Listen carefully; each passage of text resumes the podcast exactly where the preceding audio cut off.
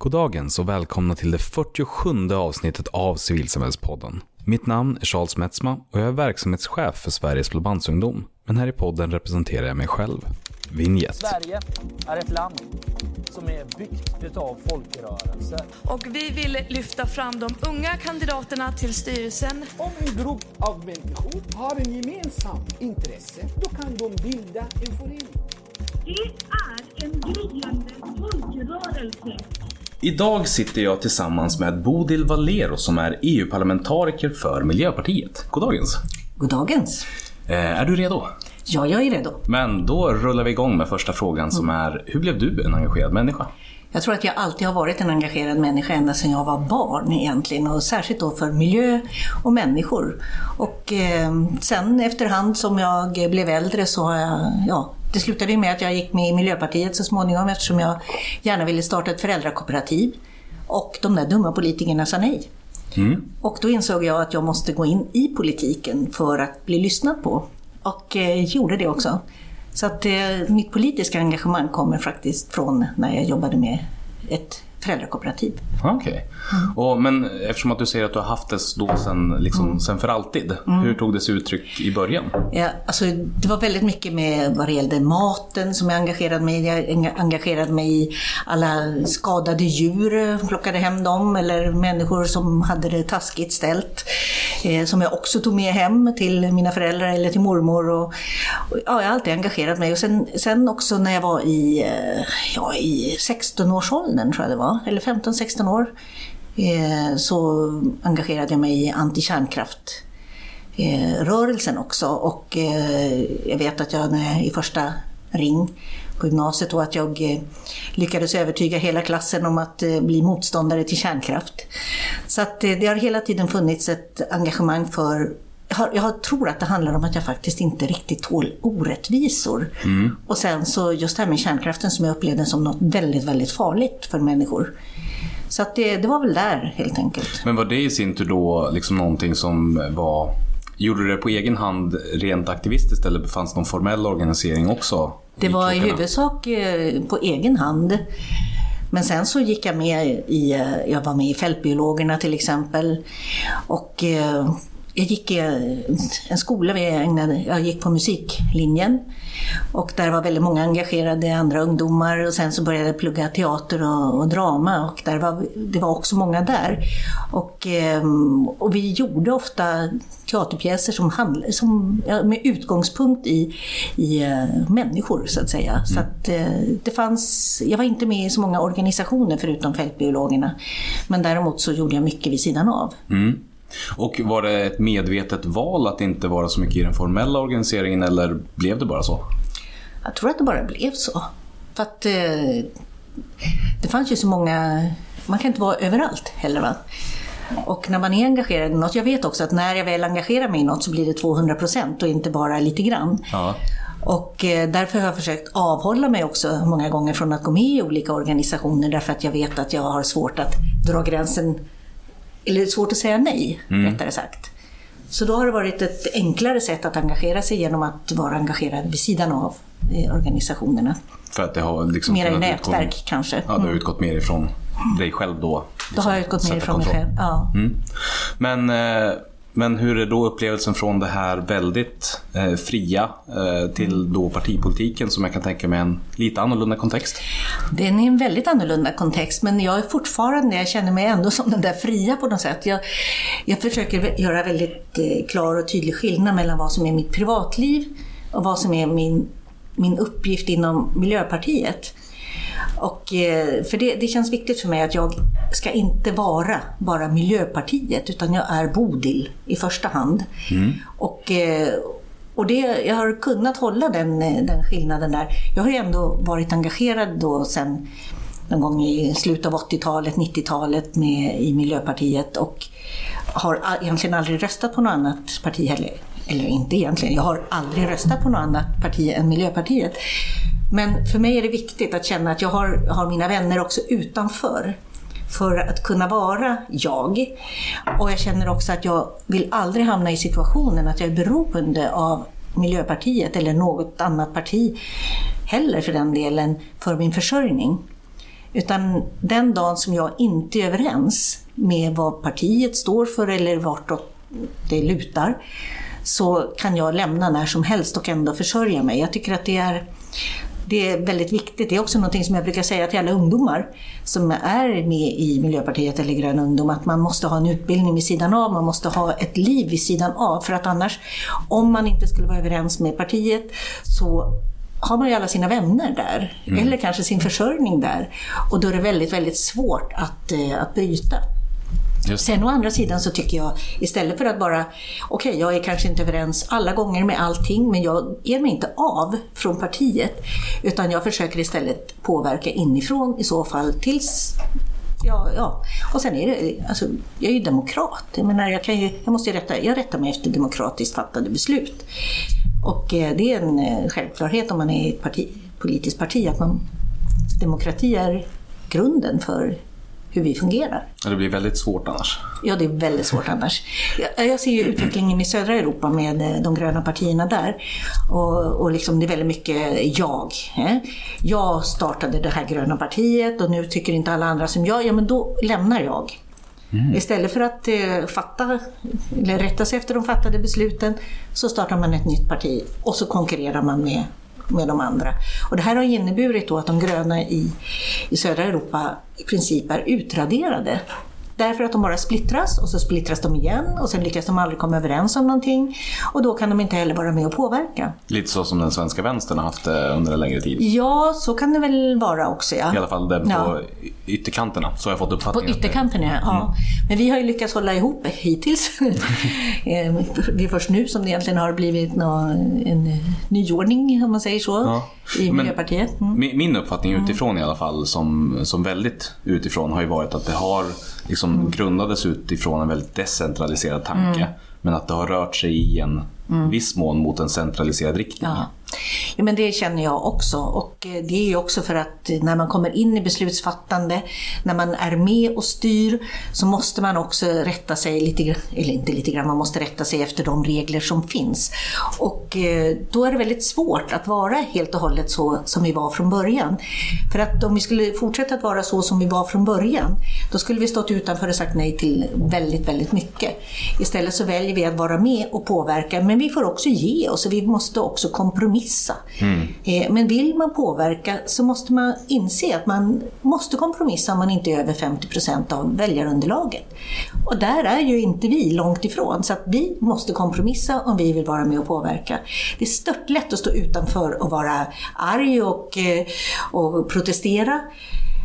Men då får man också, då får man också finna sig i att man inte kan påverka. Och jag väljer att kunna påverka.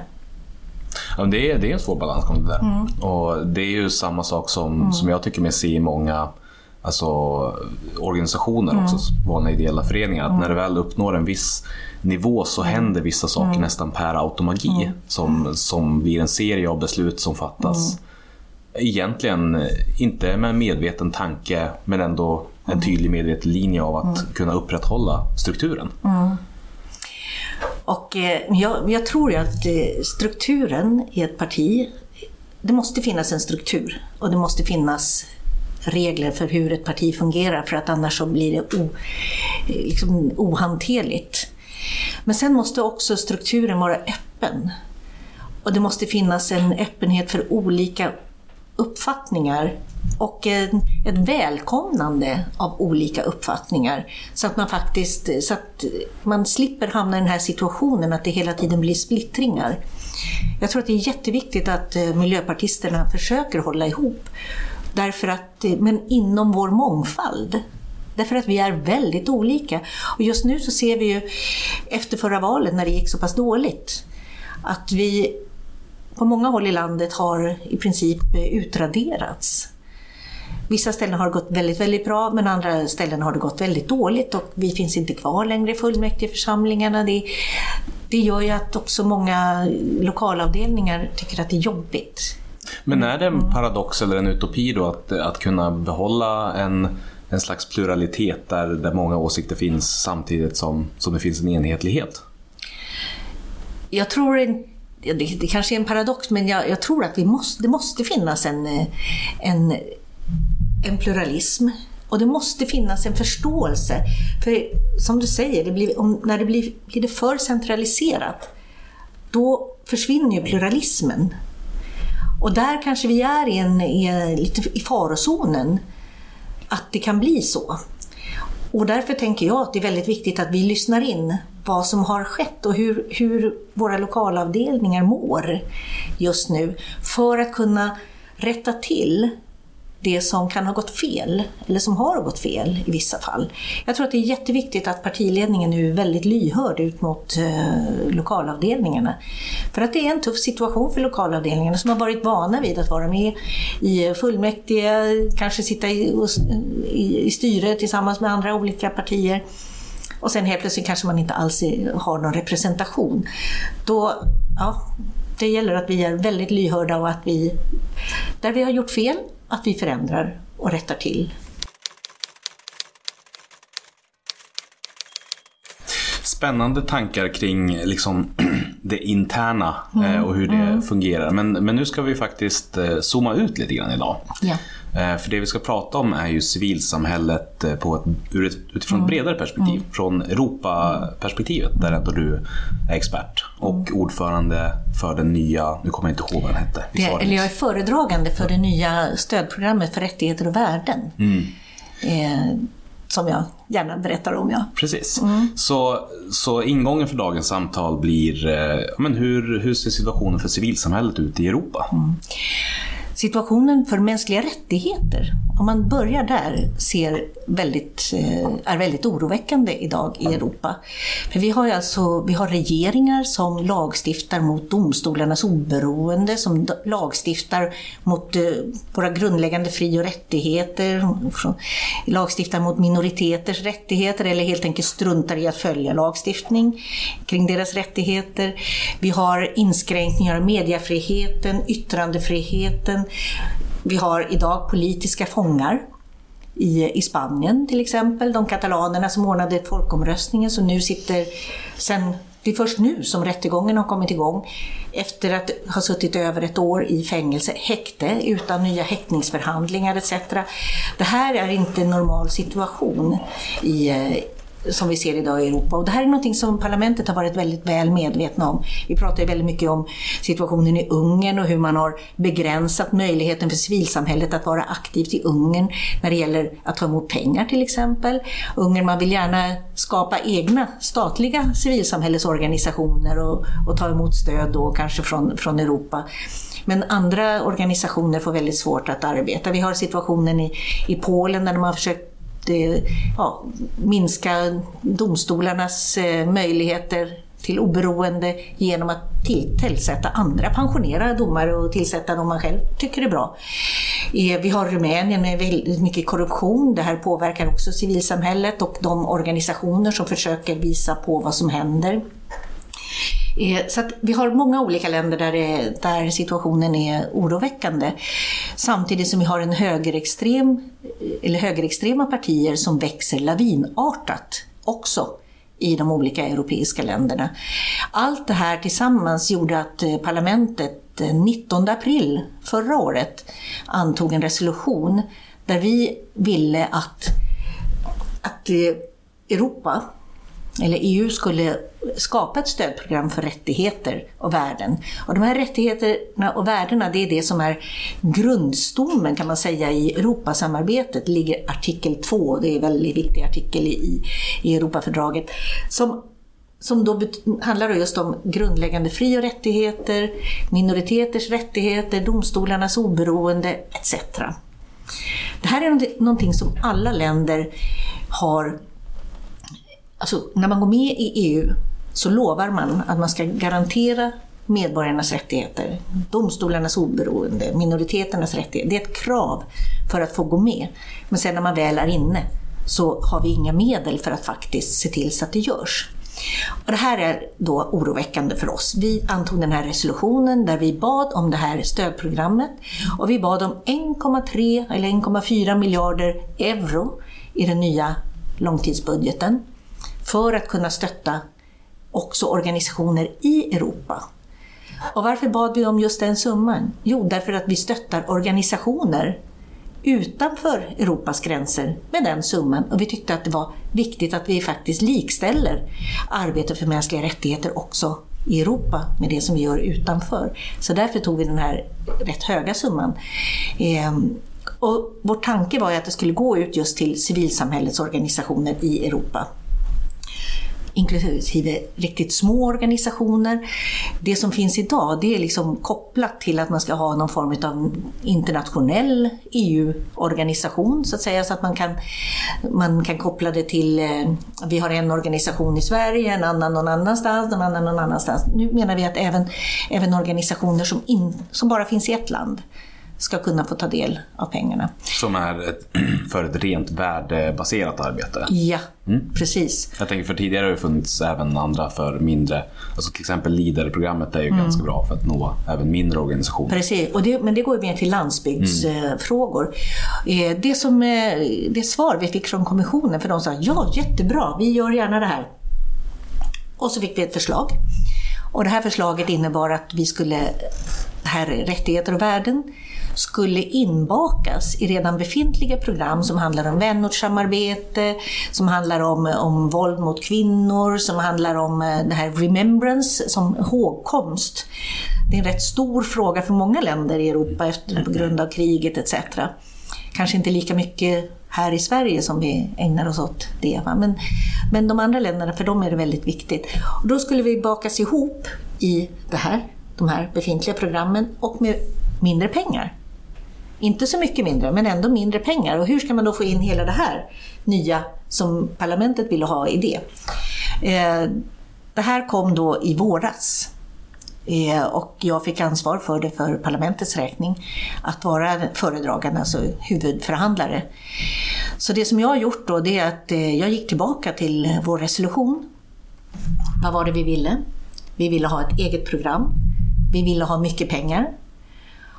Och sen så Eh, förhandlade jag då med de övriga partierna. Jag föreslog att vi lägger det som ett eget program. Vi lägger att vi vill ha så här mycket pengar. Och sen så har de andra partigrupperna då, för de utser sina skuggföredragande som det heter. De har kommit med sina förslag, vi har försökt baka ihop det till ett gemensamt. Vi försöker få in också någon form av sanktion mot de länder som inte sköter sig. Och alltså i de här de kraven som I de kraven som vi ställs, ja. Mm. Som vi ställer. Eh, vi, idag är vi i det läget att vi har tagit vårt beslut i, eh, i eh, vi röstade i december parlamentet och vi har, där fick jag igenom då både det här med det egna programmet, också större fokus på, på gender eller genusfrågor.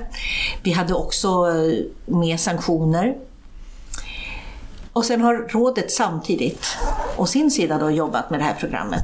För det är rådet och parlamentet som ska besluta gemensamt i slutändan. När det gäller pengarna så kan inte vi ta beslutet i, i mitt utskott så att säga, utan det gör budgetutskottet. Men de har också gått med på, på en avsevärd ökning av budgeten just för det här programmet. Så från parlamentets sida, där har jag liksom alla med mig, känns det som. Mm. Och i rådet, nu håller vi på med och förhandlar med dem. Vi har kommit så långt att de har godkänt det nya programmet. Mm. Vi, pengarna kommer inte att vara avslutade eller beslutade, beslutade förrän eh, nästa mandatperiod. Därför att resten av budgeten måste ingå i hela det här budgetpaketet och eftersom inte allt är med så kan man inte ta exakta siffrorna ännu på budgeten. Och processen rent som så, är det, ska vi se om jag kommer ihåg det, men mm. först så Någonting kommer från någon av de tre delarna? Kommissionen, först kommer det från kommissionen. Kommissionen börjar alltid? Ja. ja. Och sen så går det till parlamentet? Ja, och samtidigt går det till rådet. Okej. Okay. Så att vi har liksom, de, rådet har förhandlat för sig, vi har förhandlat för oss. Jag har haft kontakter med rådet under hela den tiden också för att få dem att förstå hur vi tänker etc. Så att, och jag har fått input från dem om hur rådet tänker. För att det viktiga är ju att vi ska hitta en, en lösning som, vi, som faktiskt blir ett nytt program och med pengar. Mm. Så att nu är vi i den här förhandlingen då mellan oss två och där kommissionen finns med som liksom hjälp och stöd. Men det är rådet och parlamentet som förhandlar. Så de har gått med på, på eh, det nya programmet. Men däremot så går de inte med på några sanktioner i dagsläget. Vi är inte helt klara eh, än så länge, men, eh, och det kommer bli jättetufft att få, dem, få med dem på det.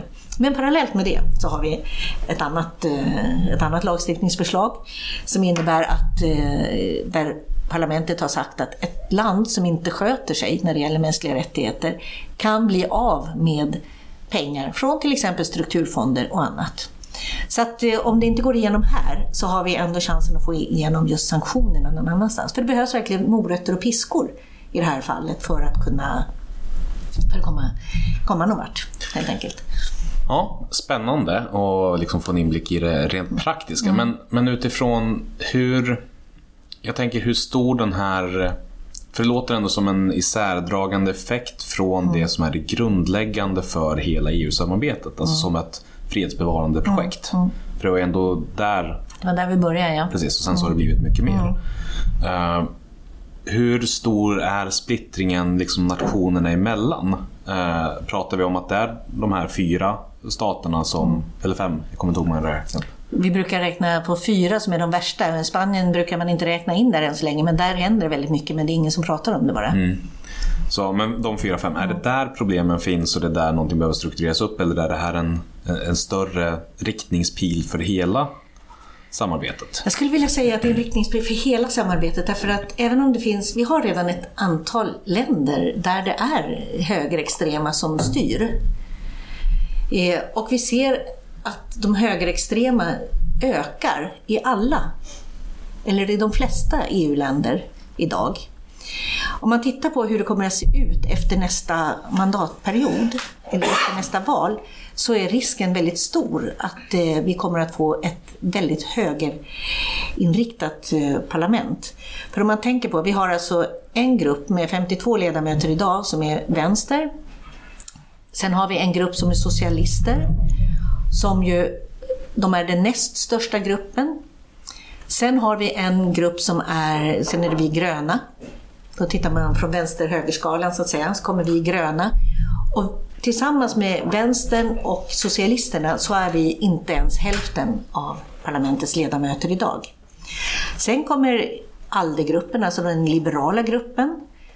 Och med dem, där kan vi ibland lyckas få en majoritet.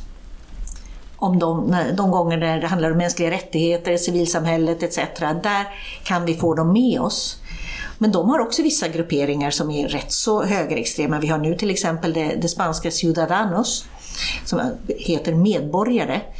Eh, och de eh, är ju också med nu i en, någon form av regeringskonstellation i södra Spanien tillsammans med det hög, riktigt ultrahögerextrema eh, partiet som heter Vox. Och som finns, eh, som finns i, i hela Spanien idag, men som först nu har, har fått någon representation. Så att, och det är ju ingenting som Liberalerna tycker om eller ens godkänner, så vi får se vad som händer med dem. Mm.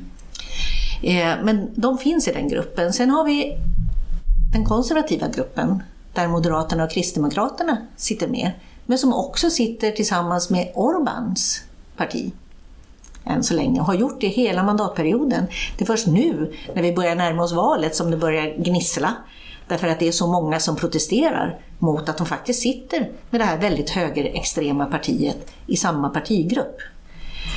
Sen efter dem, då, nu är vi liksom en bit in på, på högersidan, men har fortfarande ett antal grupper kvar. Sen har vi ECR som bildades av Tories, som tyckte att den konservativa gruppen var alldeles för mjäkig där sitter också eh, Sverigedemokraterna, Samfinländarna, Dansk Folkeparti, ett flamländskt, eh, mer eller mindre en, ja, vad heter främlingsfientligt parti, med mera, med mera. Där har vi, då börjar vi liksom prata om, om eh, riktig höger.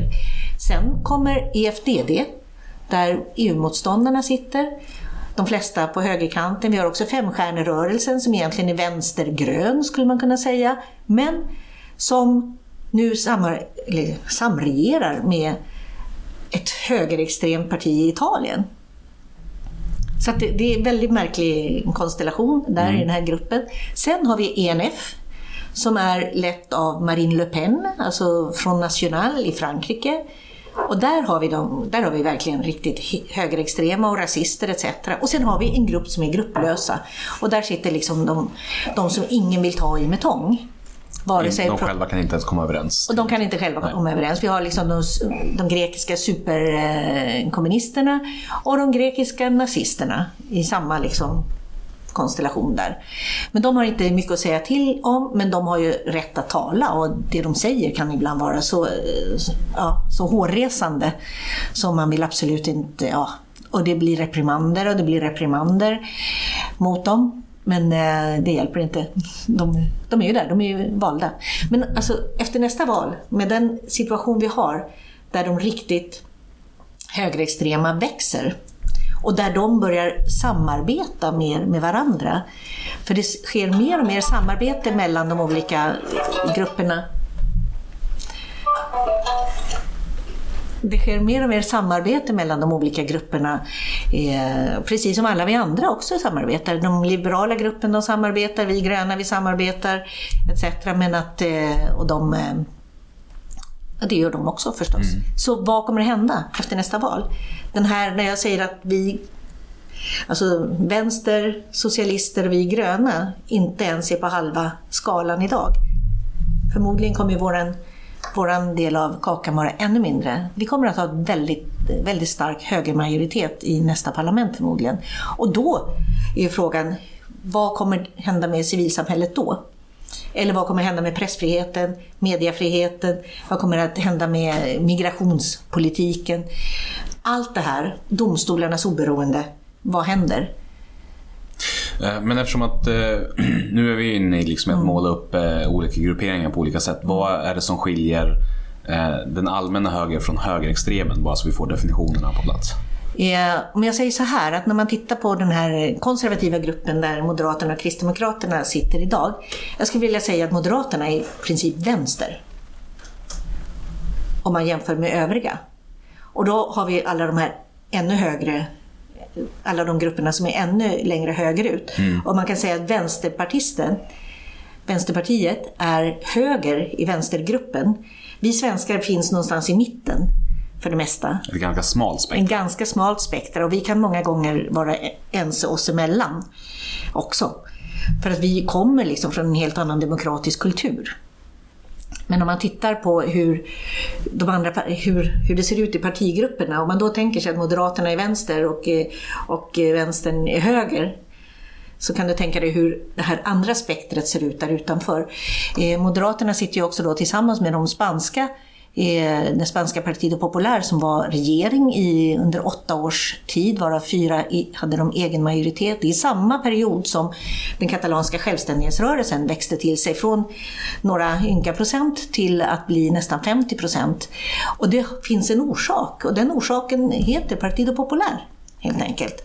Och det, den politik som man förde gentemot katalanerna under den perioden, det gjorde att katalanernas självständighetsvilja blev så mycket starkare. Och samtidigt så införde man, man något som hette munkavlelagen kallar vi den i folkmun sådär. Som innebär att till exempel om du eh, filmar en polis som... eh, Om du är ute och demonstrerar och det det kommer poliser, de, eh, de slår demonstranter och du filmar det och lägger upp det på Facebook exempelvis. Ja, då är det du som åker dit på det. För man får alltså inte filma poliser som slåss. Man får inte ta foton på poliser alls egentligen. Eh, eller om du, men polisen går fri. Eh, eller om du eh, är rappare och eh, uttalar dig negativt om kungen till exempel. Ja, då är det du som döms för det. Eller du döms för att uttala dig negativt. Va? Vi har en rappare som är i exil i Belgien nu, en, eh, en spansk rappare.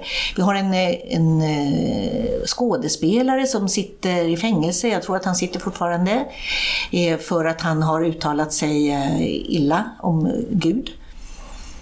Eh, Man får inte, som, liksom sådana här saker som, eh, som för oss grundläggande yttrandefrihetsfrågor. Jag behöver inte hålla med om vad den här eh, killen rappade, liksom hur han uttryckte sig. Men jag kan ju hålla med om hans rätt att faktiskt få lov att uttrycka sig. Och hans rätt att få lov att kritisera kungen, skådespelarens rätt att få lov att kritisera Gud, en annans rätt att få lov att kritisera, kritisera regeringen.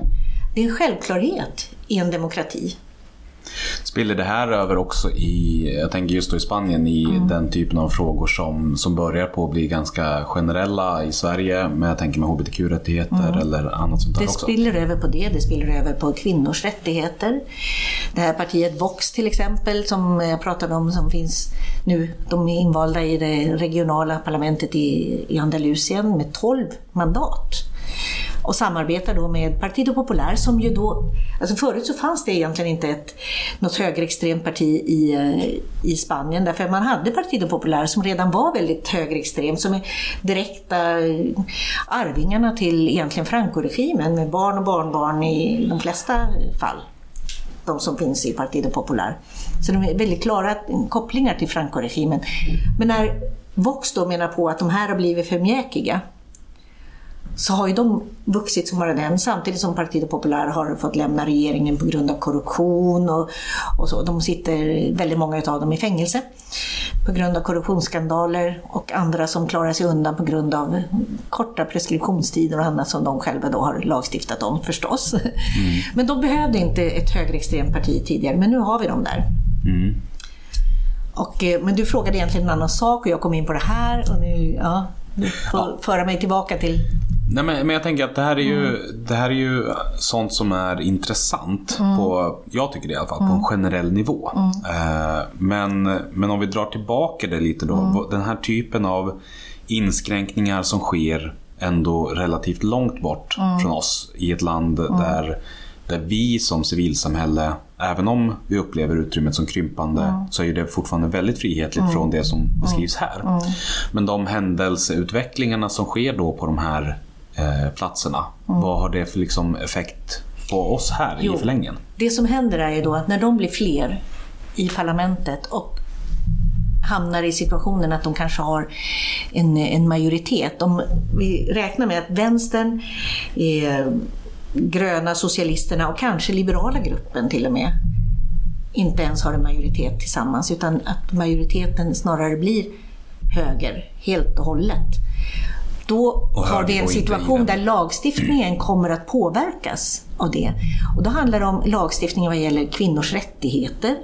Eh, för det här är i många fall också, det är samma partier som också tycker att kvinnans plats är vid, är vid spisen.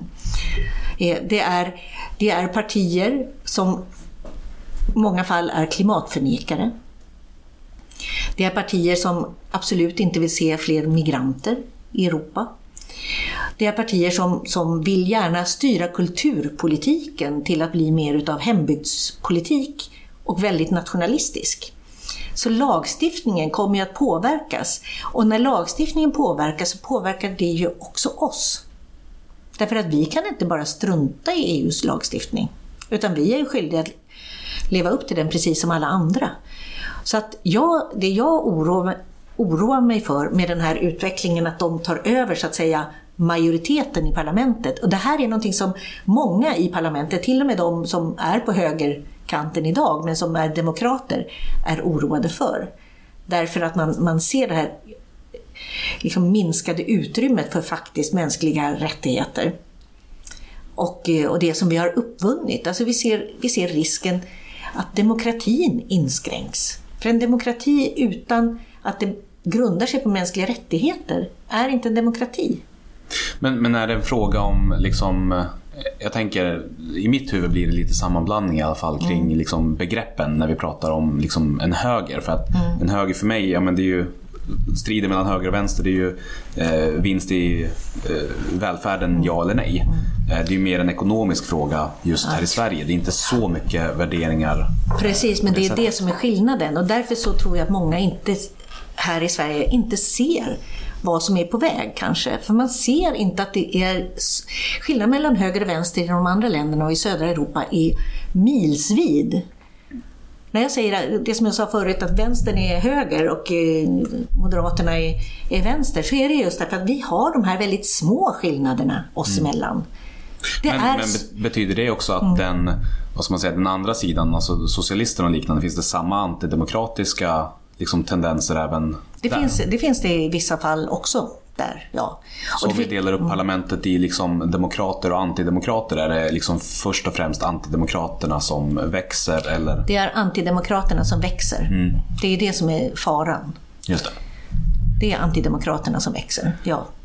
Det låter ju väldigt knepigt i ett demokratiskt system att, så kan, att det kan ske. Men samtidigt så är det inbyggt att det är så det kan ske. Det är ju det, ja. Churchill han sa väl att demokrati är ett jävla skit, men det är ändå det bästa vi har. Ja. Och eh, jag menar med demokratin så kan man ju faktiskt avskaffa demokratin också. Mm. Vi ser ju hur Erdogan använder sig av demokratin för att nå sina mål genom att ordna folkomröstningar om olika saker och, I Turkiet ja. i Turkiet. Ja. Så att, eh, och vi har sett det på andra ställen också, att eh, med demokratiska medel kan man ju faktiskt inskränka demokratin. Det är det som man har gjort i, eh, det är det man har försökt göra i Polen. Man använder sig av, av, eh, av demokratin för att inskränka domstolarnas oberoende. Där har ju EU gått in och liksom sagt så här får ni inte göra. Det var ett mål också som, som Polen förlorade. Så att, så att eh, med, I vissa delar kan, finns, det, finns det rättsmekanismer för att, få, för att komma till rätta med, med problemen, men inte alltid. En sak som flera av de här länderna alltid hävdar, jo men man måste följa konstitutionen. Ja, det måste man ju. Alltså, man måste följa lagar och regler i ett land. Men när lagar och regler strider mot den andra delen i demokratin, så att säga, som handlar just om, om de grundläggande fri och rättigheterna, då, då går det inte längre. Därför att en demokrati bygger på dels rättsstatens principer, att man följer lagar och regler, men de får alltså inte strida mot det som är grundvärderingarna. Så om lagar och regler strider mot grundvärderingarna, ja då måste man ändra lagarna så att de faktiskt är i överensstämmelse med grundvärderingarna. Och det är där många av de här länderna då brister och säger bara nej, nej, nej, konstitutionen säger så här, de har agerat i strid med konstitutionen eller den, den och den lagen etc. Så att eh, det är en balans där att försöka få det här att fungera. Mm. Men, men äh, samtidigt så, så blir jag ju spontant lite äh, liksom, vad ska man säga, nedslagen om, av liksom den analysen att Sveriges totala församling innebär, eller utgör åtminstone till majoritet en slags mittenfåra. Eh, och vi har relativt få parlamentsledamöter. Så vad finns det för möjligheter för, för Sverige i sin helhet och för organisationer i synnerhet då att ha någon slags påverkan på den här utvecklingen? Jag tänker att vi har ju både ministerrådet och parlamentet. Dels så tror jag att det är oerhört viktigt att vi får upp eh, alla att gå och rösta i det här valet. Eh, eh, Sverigedemokraterna är väldigt väl organiserade och de kommer göra allt vad de kan för att få sina väljare att gå och rösta. Vi andra måste göra samma sak. Vi andra måste se till så att vi blir så många som möjligt demokrater i, i, eh, i parlamentet. Men sen har vi också regeringsfrågan förstås. För där har vi också, vi har nu en, en majoritet av länder med högerregeringar. Och då med tanke på det jag berättade förut om, om hur höger några är mot, i skillnad till andra, så kan man ju också se att det, där har vi också ett problem. Vi måste ju jobba på att få de nationella valen är precis lika viktiga som valen till Europaparlamentet förstås. Och sen civilsamhället, det är ju, civilsamhället är ju väktarna. Liksom. Det är demokratins väktare. Utan civilsamhället som väktare, eller, och utan media, fri media, så är demokratin verkligen i fara. Och därför så är det så viktigt med att hitta de här formerna för att kunna stötta civilsamhället och, och att kunna göra det oberoende av hur deras eventuella regeringar ser ut. För att om vi ger stöd till exempel till civilsamhället i Ungern och civilsamhället blir straffade för att de får stöd, ja, då har vi ett stort problem. Så att vi måste hitta, hitta vägar så att vi kan verkligen komma förbi också att regeringarna faktiskt inte alltid är demokratiska. Så att, eh, men vi är i en väldigt, väldigt tuff situation i Europa just nu. Finns det Finns det ett behov av eh, Finns det ett behov från de svenska organisationerna som ändå, alltså majoriteten av alla föreningar här i Sverige har ju en väldigt liksom utifrån Europaperspektiv lokal verksamhet Som, som blickar inåt. Alltifrån liksom en liten idrottsförening blickar ju sällan utanför orten, distriktet tar regionen. Och det är ganska få av de nationella organisationerna som också har internationell verksamhet, om man ser till hur många det ändå är. Finns det ett behov av att rikta verksamheten till viss del internationellt för att i förlängningen kunna agera nationellt också? Jag tror det. Jag tror att det är jättebra om civilsamhället samlar sig från, mellan de olika länderna. Vi har ju många som jobbar kanske med civilsamhälle i Afrika eller Latinamerika eller i Asien. Men vi har inte lika mycket på den europeiska nivån tror jag. Eller så, vad jag vet i alla fall. Ja, men utifrån min kännedom Ja. så, är, så är det ju ett fåtal Ja. i alla fall om man ser till helheten. Som, Men jag tror att vi behöver samla oss mycket mer och att vi behöver samarbeta mycket mer med, med de andra länderna. För att lära av varandra och att lära ut. Va? Eh, det, jag, jag skulle önska att vi hade mer utbyte och därför är ju alla de här olika eh, stödprogrammen, för det finns ju olika. Du pratade om LIDER förut, det, fin, det finns många olika program där vi kan vara med. och spontant så låter ju Erasmus som en ganska Erasmus bra är väg. jättebra. Jag har hållit på med Erasmus sedan mina barn var små. Eller liksom de var 15 år. Och, eh, och det är ett antal år sedan nu. Va? Så att, så att, och jag tycker att det är ett jättebra sätt för att lära känna varandra. Men vi behöver göra fler saker. Allt det här med vänortsutbyten och sånt. I Sverige är vi lite dåliga på att liksom ansöka om medel. Jag tror vi har blivit bättre. Från alla strukturfonder eller? Från alla fonder överhuvudtaget. Men vi har blivit bättre de senaste åren. Men från början var det väldigt få som sökte. Och det är också för att det var så himla krångligt. Eller det är så krångligt. Så det som vi försöker göra i det här nya programmet är också att det ska vara enkelt. Och att det inte ska vara lika mycket, jag menar, är man en liten organisation och får 50 000 kronor, då kan man inte kräva av den organisationen att den ska lägga eh, 30 000 av det på, på redovisningen. Jag har, en gång i tiden så har jag drivit ett ESF-projekt. Så. Ja, så du vet vad jag pratar om. Ja. Ja. precis. Så att man måste hitta, hitta modeller, ungefär som Erasmus-programmen, det här Erasmus plus till exempel, där man får en schablonsumma. Och så får man eh, redovisa det helt enkelt. Så har man, eh, är det något som inte stämmer, ja men då får man betala tillbaka. Eller är det så att, man, att det stämmer så får man lite extra sen på slutet. Jag menar, det finns många olika varianter. Men det här är också något som finns i det här nya, eller i vårt förslag. Eh, hur, ska, hur vi ska förenkla så att säga, för, för organisationerna att kunna söka medel. Men också det här att man ska kunna göra det även om man inte har si och så många länder inblandade. För nu är det ofta det som är problematiken också, man måste ha ett visst antal länder för att överhuvudtaget kunna söka. Och det försöker vi komma undan, eller komma runt genom att säga att det går att söka även en lokal organisation kan söka också lokalt. För det kan vara oerhört viktigt i just det landet. Men jättebra om man kan göra det tillsammans. Ja, men det, det minns jag, alltså just det här pysslet av att ändå det kan vara svårt nog att formera sig i en liten grupp men när man också ska hitta en grupp. Ja.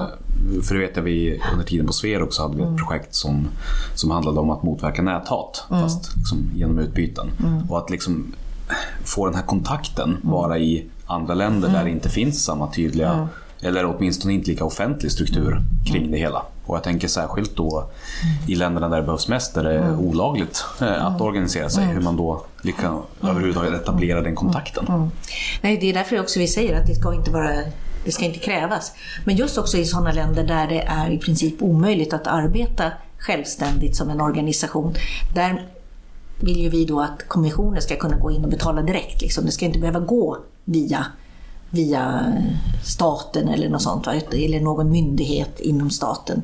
Utan det ska kunna gå direkt från kommissionen till organisationerna.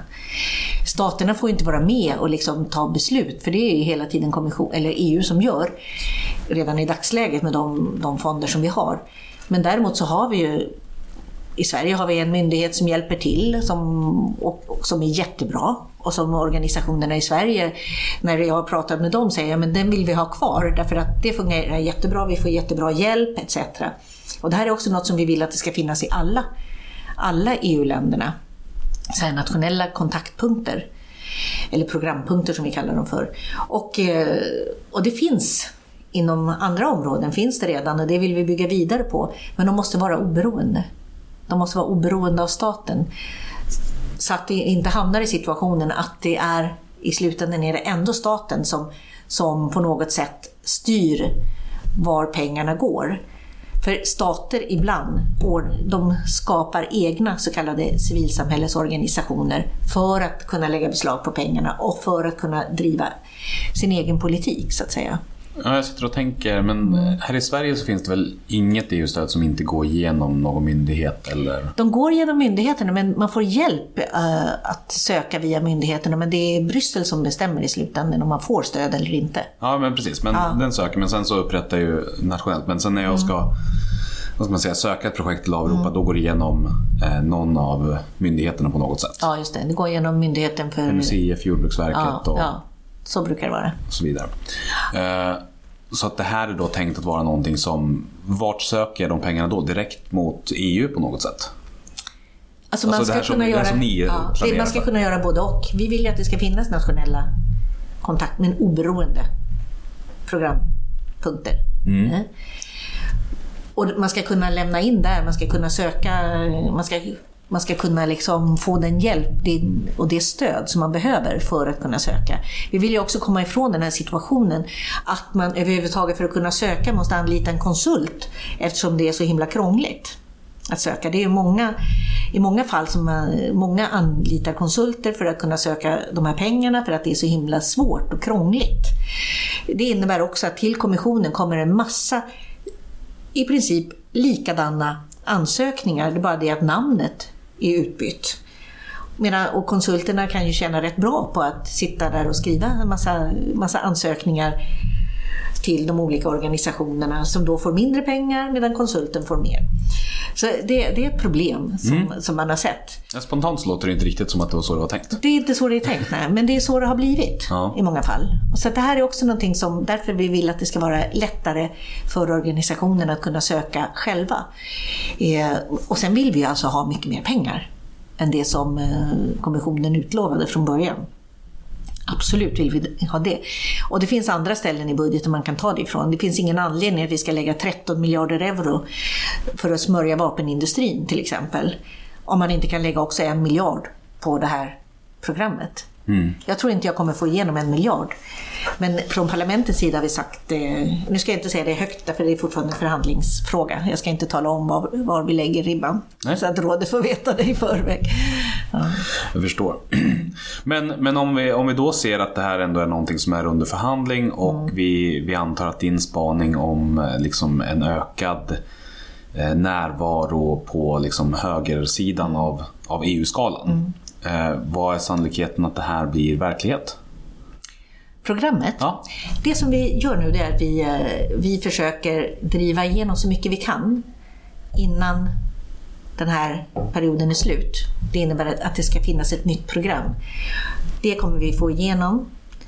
Och i och med att det finns ett nytt program så måste rådet sen också sätta pengar på det. Man kan inte liksom starta ett nytt program utan att det finns en finansiering. Så det kommer bli någonting oavsett. Så någonting kommer det att bli. Jag tror det kommer bli mycket svårt att få igenom det som handlar om sanktioner, för där är, finns det ett antal länder med, med Ungern i spetsen som, som försöker stoppa det. Eller att man villkorar stödet på något sätt. Va? Eh, Det försöker de stoppa och eh, de kommer få med sig kanske tillräckligt många. Det verkar som om det var en liksom, icke framkomlig väg. Eh, Det betyder inte att vi har gett upp. Utan vi kommer dra det här så långt det går, förstås. Ja, utifrån från din världsbild så låter det ju extremt eh, rationellt na- naturligt och utifrån deras bild så blir det ju förstås, det hotar ju det de håller på att bygga upp. Ja, precis. Precis. Och eh, jag menar, om man har, går man med i EU och åtar sig att faktiskt respektera fördragen, då borde man också inse att när det kommer en form av, om man inte gör det, att det kan bli en repressalie. Men, men hur kommer det sig att det inte har funnits med? Det är förstås en svår fråga att svara på, men varför fanns det inte med från början? Var det för att det var... Fanns det liksom en bild av att när någonting väl är uppnått så kommer det liksom att förbli? Mm, Jag Eller- tror det, men det finns en mekanism som Ja. Mm. heter artikel 7. Som innebär att man kan ta rösträtten ifrån ett land som inte sköter sig. Mm. Som inte uppfyller de här. Men problemet är... Men det låter som en väldigt så här skarp och Ja, trubbigt en, verktyg. ja, det är väldigt trubbigt. Det är skarpt om det skulle gå. Men problemet är att det måste vara enhällighet i rådet, förutom det land som det är fråga om. Just Vi det, så får det inte- sker samtidigt i flera länder då. Ja, alltså vi får ju ingen enhällighet. Vi har dragit igång ett sånt här artikel 7-förfarande. Eller kommissionen har dragit igång mot Polen, parlamentet har dragit igång mot Ungern, men sen så fastnar det. Därför att det, det finns inte en enhällighet. Det börjar ju då med någon form av förfarande, att man ska ha en dialog och si och så. Men den här dialogen har ju pågått under en lång tid redan. Och det har inte hänt någonting, så att säga. Så att, eh, ja. Spontant så låter det ändå som, eh, som att det måste vara en ganska jobbig tillvaro. Att liksom, eller som någon slags maktlöshet inför för skeendena.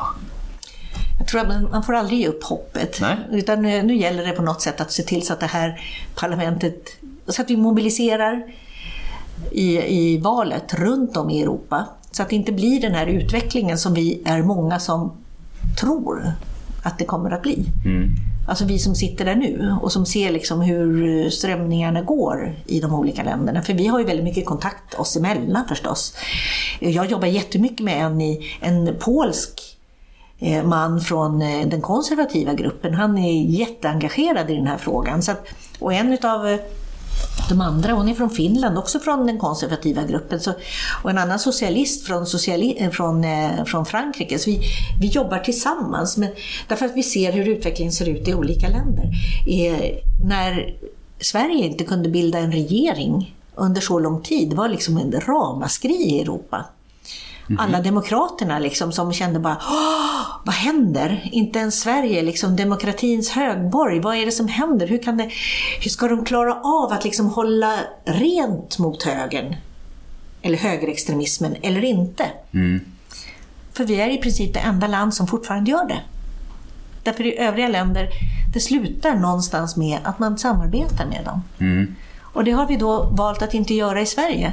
Och det var att liksom när vi väl fick en regering så var det bara så här, puff, vilken tur va. Det var liksom känslan i parlamentet. Att, det, att vi hade lyckats i Sverige. Att hålla rent utåt. Rent ut mot, eh, mot extremismen. Som, Ja, för att Ja. det är ju, men, men jag förstår verkligen hur liksom det samarbetet sprider ut sig. För att den, den grund, oavsett liksom, eh, skillnader i liksom, tycke om sakfrågor och eh, hur vägen mot, det, liksom, mot slutmålet om ett bra samhälle ser ut så, så är ju ändå den grundläggande föreställningen om, om demokratin måste vara ganska lätt att förenas i. ja, Alltså när man väl tror på den då. Precis ja, när man väl tror på den ja. Och det är det, alltså, vi som har stått på, på listan till EU-parlamentet. Jag tror att det är, vare sig man är, är, är konservativ eller, eller vänster, så är det ju någonting som förenar oss alla. Tron på demokrati. Men det är när man kommer över den här gränsen för vad... Jag menar, jag skulle aldrig säga att inte Moderaterna eller Kristdemokraterna är, är, är demokrater, för det är de. Men när man kommer längre på, på skalan och i vissa fall i deras egen partigrupp då, där finns det ju då de som absolut inte är det, som Orbáns parti till exempel. Så att, eh, jo, vi är, det är därför som jag- den här, den här känslan, den här oron finns. Därför att de flesta som är i parlamentet är faktiskt demokrater. Hittills. Men det är en tilltagande... Det är en tilltagande grupp som inte är det. Eller som ser demokratin på ett annat sätt. Som liksom tycker, som vill använda sig av demokratin för att inskränka den. Men, men när det då- gäller för kvinnor, när det gäller för... Ja, Ja, så att ha liksom en... använda Ja, sig av ja. den till att, till att faktiskt styra mer i en, i en eh, jag skulle vilja säga fascistisk riktning. Men utan att gå liksom till fascism, utan att fortfarande bibehålla. En del, eh, en del är ju där redan. Faktiskt. Ha, finns det någonting som, som jag inte har frågat om som känns angeläget att lyfta upp eller prata om på något annat sätt? Som är relaterat till civilsamhället. Ja. Eller det vi har pratat om. Jag tänker också att vi faktiskt skulle kunna jobba mer tillsammans med lite mer med, med de nordiska länderna än vad vi gör idag. Det är någonting som jag pratade med Nordiska rådet om eh, häromdagen, för de var i Bryssel och jag var inbjuden att prata där. Och eh, lite grann har vi missat eh, det här momentumet att kanske lyfta frågor gemensamt, för där vi blir starkare då. Eftersom vi då är flera länder, starkare i både rådet och i parlamentet. Eh, Norge är ju inte med, men de finns ju ofta med som observatörer i olika sammanhang också. Så att eh, där skulle man kanske kunna jobba mer gemensamt också tillsammans med de andra och organisationer i de nordiska länderna för att eh, ha en större styrka. Det, det är någonting som jag har funderat eh, lite på, särskilt då sen vi hade den diskussionen i Nordiska rådet. För vi har ju väldigt likartad lagstiftning och har haft det i väldigt många år. Och samarbete hela vägen Och samarbete, ner på ja. alltså, den lokala nivån till och med. Mm. Det är bara så... Det som, som jag framför allt tycker blir knepigt då, eftersom att jag ändå är med i en verksamhet, men, men det finns ju så... Eh, så vi i Sveriges Blåbandsungdom har ju andra utmaningar som, som vi, liksom, vi behöver tampas med. Och, och liksom i vår värld och få verksamheten att gå ihop och bli någonting och liknande. Så att, och liksom sviktande stöd till organisationen så. Att, att sen också tänka sig att ja, men, vi skulle behöva ta på oss en ännu större kostym och ta ett ännu större ansvar. Det känns också så ogörligt på något sätt att, att, att lägga last på börda på det sättet. Då är ju också frågan om, eh, när vi pratar om stöd, jag menar, det är ju ofta, har man, har man ekonomi så kan man också jobba, därför man kan anställa någon etc. Och om, om Sverige bestämmer sig för att man ska stötta civilsamhället, Sverige är, var det land, så vitt jag har förstått, i rådet som, som först ställde sig positivt till det nya programmet till exempel. Eller till, det nya eh, delprogrammet som då är rättigheter och värden just. Va? Eh, om vi bestämmer oss för att det här är viktigt och anslår medel, då kan vi stötta civilsamhället. Och Om vi inser hur mycket civilsamhället faktiskt betyder för demokratins bevarande och utveckling, då måste vi också vara beredda att satsa, att betala för det. Tänker jag. Och det är där som det många gånger brister, därför att om jag som, om jag som medlem i en, i en förening och försöker liksom jobba med föreningen, alla jobbar ideellt etc. Ja, det är klart att det, då bygger det på att det finns ett antal eldsjälar.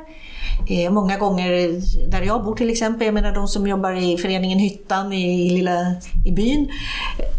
Man måste ju nästan vara pensionär för att hinna med, så att säga. Så att, eh, men om man faktiskt, om staten bestämmer sig för, eller om EU bestämmer sig för att vi måste gå in med mer medel för att se till så att civilsamhället har tillräckligt, då, kan, då blir det inte en börda Nej, för civilsamhället att nu måste jag göra mer, utan då blir det ju beroende en på hur det är utformat. Ja, beroende på hur det är utformat. Ja, det handlar ju om att se till så att det blir bättre och möjligt Mm. för civilsamhället att, eh, att vara aktiva. Men jag tänker, eh, gör, blir det störst nytta av att liksom utöka med någon typ av insatser eh, internationellt? Eller är det största bidraget som det svenska civilsamhället har att fortsätta värna demokratin hos oss? Jag tror att det svenska civilsamhället måste värna demokratin här. Eh? Och, eh, men också kanske hjälpa andra länder vid behov. Därför att det, vi har liksom en, en lång tradition av att jobba i civilsamhället, att, att, ha, att ha en påverkan. Medan i vissa länder så har man inte alls samma starka bakgrund som civilsamhället har här. Man kommer liksom från, från länder som inte, det var inte så länge sedan var diktaturer. Och, eh, och det är ett helt annat sätt att arbeta. Så jag tror att mycket väl att man kan, man kan vara med och dela med sig av sin kunskap. Delta, om man är med i, i olika EU-projekt till exempel, att delta i de här träffarna som kommissionen anordnar. Där har man ju en väldigt bra möjlighet att träffa civilsamhälle från andra delar av Europa och lära tillsammans, dela med sig av erfarenheter, tala om det här funkar hos oss till exempel. Eh, en annan sak som jag skulle vilja att ni gör det är också trycka på, ligga på, skriva om, om eh, vikten av medel till det här programmet till exempel, eller för att kunna värna demokratin. Det behöver vi också, att, att ni ligger på. För jag kan stå och skrika hur mycket som helst om att vi behöver mer pengar till det här programmet för er. Men om ni inte själva också talar om att ni behöver dem, då är det ju svårt att få gehör. Och där är någonting som civilsamhället och organisationerna runt om i Europa skulle behöva göra en gemensam kraftansträngning och liksom trycka på, ligga på regeringarna att okej, vi vill ha de här pengarna. Vi behöver dem för att kunna jobba på det här sättet. Och det är inte bara civilsamhället som kan dra nytta av de här pengarna. Även kommuner, regioner, institutioner som faktiskt jobbar med att främja eh, mänskliga rättigheter, minoriteters rättigheter, kvinnors rättigheter och, civil- och, och domstolarnas oberoende. Så att eh, det- det ska finnas, vi, vi behöver det här tillsammans. Ja, men, men där blir det också lite knepigt. Jag tycker ju ändå att jag lägger ganska mycket av min fritid på att omvärldsbevaka liksom, civilsamhället här i Sverige eh, och intressera mig för det. Men samtidigt så är det här första gången jag hör om det också. Det är, för jag har inte EU-span med Nej. som en del av, av min Nej. liksom, vardag. Så det Och jag har ju mer EU-span nu än vad jag ja, men precis. Därför nu har jag varit där i ett antal år och, och sen har jag liksom ett ben i Sverige, ett ben i, i Katalonien. Och ser liksom allt det som händer där och som, som ju påverkar jag menar, de här enorma manifestationerna med miljontals människor som har varit ute på gatorna och demonstrerat. Det är ordnat av civilsamhället. Det är kulturorganisationer som har organiserat allt det här. Och nu sitter ledarna för dem i fängelse. Just nu i, i eh, rättegång då, i och för sig. Och de är anklagade för våldsamt upplopp. Trots att de inte har liksom varit upphov till något, till, något, eh, till något våld på något sätt. De har bara röstat. Men den spanska åklagaren han menar på att de borde förstått att den spanska polisen skulle ta till våld och därför är de skyldiga till våldsamt upplopp. Och det här är ju en jättekonstig, ur ett svenskt eh, perspektiv, hur man kan se att eh, ett våldsamt upplopp när man går och röstar, att man är skyldig för att man skulle förstått vad polisen tänkte göra. Det var ingen som kunde tänka sig att polisen skulle bete sig på det sättet som de gjorde. Nej, det här knyter jag an lite grann också. Jag gjorde ett eh, avsnitt för inte så länge sedan med Mattias Bjernemalm som är på Piratpartiets lista eh, som första namn och pratade just om hur olika tolkningar av eh, framförallt eh, terrordirektiv och annat skulle kunna missbrukas. Och det här är ett jätteproblem. Och det har, det har kommit så himla mycket lagstiftning utan konsekvensbedömningar, ingenting till oss för att EU måste liksom visa, eller regeringscheferna måste visa att vi tar krafttag mot terrorismen, vi tar krafttag mot migrationen, massor med förslag, inga konsekvensbedömningar och sen så har det bara trumfats igenom på något sätt. Va? både i rådet och, i parlamentet, för alla är livrädda för terrorister. Och det är klart att vi ska vara det. Men frågan är om de här lagstiftningarna hjälper. Det är väl det som är problemet. Va? Och, utan snarare kommer de att kunna användas och utnyttjas av lite tvivelaktiga regeringar i Europa också. Stora frågor och jag känner att eh, oavsett hur, hur länge vi pratar kommer vi inte liksom komma i mål. Eh, men det har varit väldigt eh, intressant ändå. Ja, bra. Eh, och jag vet att nu när jag lyssnar igenom samtalet lite grann i huvudet så har vi flertal tillfällen låtit ganska pessimistisk. Men det, det är jag nog ändå inte. Nej. Utan jag känner också hopp och lust att liksom, dra mitt och vårt strå till stacken för att fortsätta upprätthålla det demokratiska samhället. Och det går. Ja. Om vi alla hjälps åt. Va? Det är funderar också på om man eh, skulle hitta tid på något sätt till att göra det här på engelska för att sprida ut liksom, civilsamhälleskunskap även till Ja. andra delar. Jag får... Vi får återkomma om det. Men som avslutning så får ju du då som alla andra berätta om någonting som du har gjort som du känner dig väldigt stolt över. Eh, och någonting som, där du känner att det har varit ett misslyckande. Men där är det viktiga vilken lärdom du har dragit av den händelsen. Jag eh, känner mig väldigt stolt över att ha lyckats dra parlamentet med mig i, i frågan om, om det här rättigheter och värden. Att det skulle bli ett eget program, att lyckas få det igenom och att få, få det igenom rådet. Det känner jag mig väldigt stolt över. Men jag har jobbat väldigt mycket med vapenexportkontrollen. Och där känner jag mig också väldigt stolt över att ha fått hela parlamentet med mig på att vi måste ha en mycket striktare vapenexportkontroll i Europa. För vi har ett gemensamt regelverk som är bindande för alla, men som länderna i princip struntar i. Där har jag lyckats få parlamentet med mig i en riktning som går i samma riktning som den svenska nya lagstiftningen, med demokratikriterium etc. Och det har inte varit lätt. Men det har gått. Och likadant att få igenom att vi skulle ha vapenembargo eller att vi ska driva på för vapenembargo.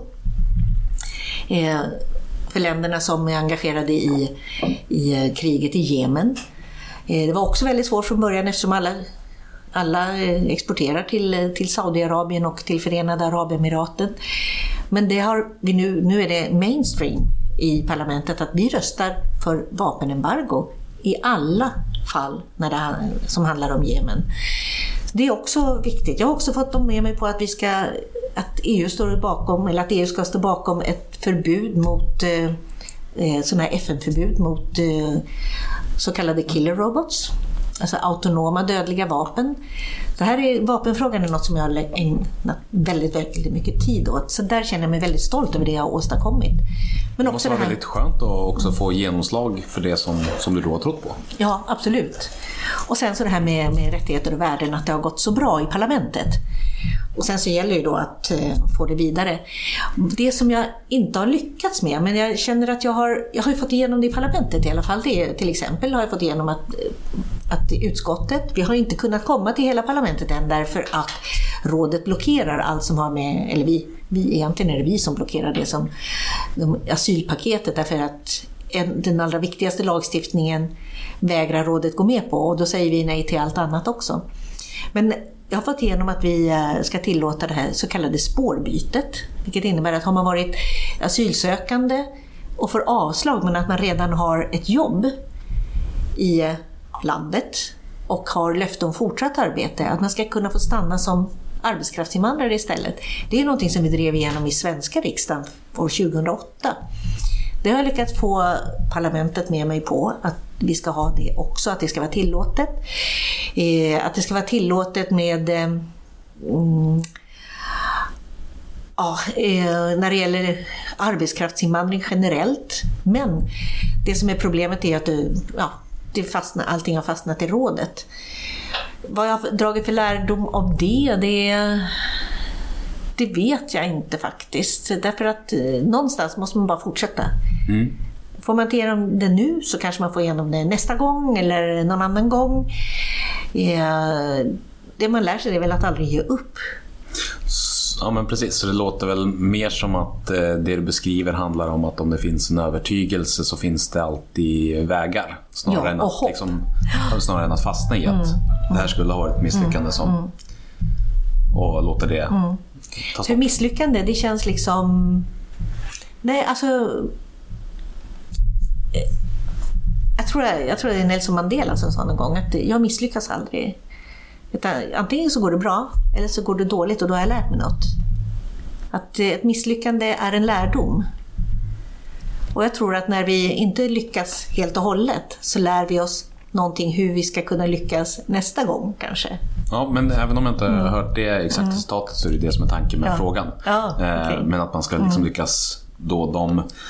Eftersom att om man medvetet, eller om man tänker medvetet på vad som mm. har misslyckats så kan man åtminstone lära sig någonting av det. Ja, Men frågan precis. finns med för att andra ja, ja. inte ska behöva göra den missen Nej, för att få den lärdomen utan få den lite, lite på en genväg. Men eh, tack så mycket för att du ville vara med och dela med dig. Tack själv, det var jättetrevligt. Ja. Mm. I ett samtal med en vän så kom vi in på podden och vilken roll den egentligen fyller. Vilken typ av media är det egentligen? Och vi resonerade lite grann fram och tillbaka. Där också de här, det här faktumet att de olika uppmaningarna som har funnits i historien till någon form av direkta aktion inte har genererat eh, särskilt stora resultat. Och vi landade då i beskrivningen att podden och alla avsnitten tillsammans, de utgör mer ett bibliotek och det här fastnade hos mig. Och ju mer jag tänkte på det, desto bättre kändes det. För baserat på lyssningsstatistiken kan jag tydligt se att det finns vissa som återkommer. Alltså de som varje vecka går ner till bibblan för att låna en ny bok och egentligen bara är på jakt efter en bok vilken som helst. Något att läsa från ett odefinierat spann som intresserar. Och de som lyssnar på varje avsnitt oavsett vad det handlar om. Det är också tydligt att se att vissa avsnitt lockar mer än andra. Alltså motsvarigheten till att de som besöker bibblan varje gång mm, som deras favoritförfattare har släppt någonting nytt. Där de vet att oavsett ämne så kommer innehållet att vara relevant. Och så finns det ju de förstås som söker specifik kunskap, som hoppar lite grann mellan avsnitten baserat på vad som är relevant just nu. Ungefär som en student som har ett behov som biblioteket kan fylla. Och andra som glider ner för att läsa tidningen någon gång och då, omvärldsbevaka, vad händer just nu. Och på liknande sätt så har jag liksom suttit och fyllt ut den här liknelsen sen vi hade det samtalet och jag gillar det verkligen. För det gav mig en lite annan syn på vad det är jag pysslar med egentligen. Vilken typ av avsnitt som jag ska fokusera på att göra. För biblioteket är ju inte huvudsakligen en plats dit du går för att lyssna på någon som håller ett brandtal om civilsamhällets finansiering. Om det inte är så att det var tydligt utannonserat i förväg. Men även då så skulle det finnas andra arenor som kanske kändes mer naturliga. Och egentligen så tror jag inte jag vill säga någonting särskilt med det här, mer än att jag tyckte det var fint. Och att det kändes rätt på något sätt. Så jag hoppas att eh, du uppskattade dagens tillskott till samlingen i ljudbiblioteket. Och så kanske vi hörs nästa avsnitt. Eller kanske så hörs vi först om tio. Oavsett vad, så hör av dig så hörs vi när andan faller på hos dig nästa gång.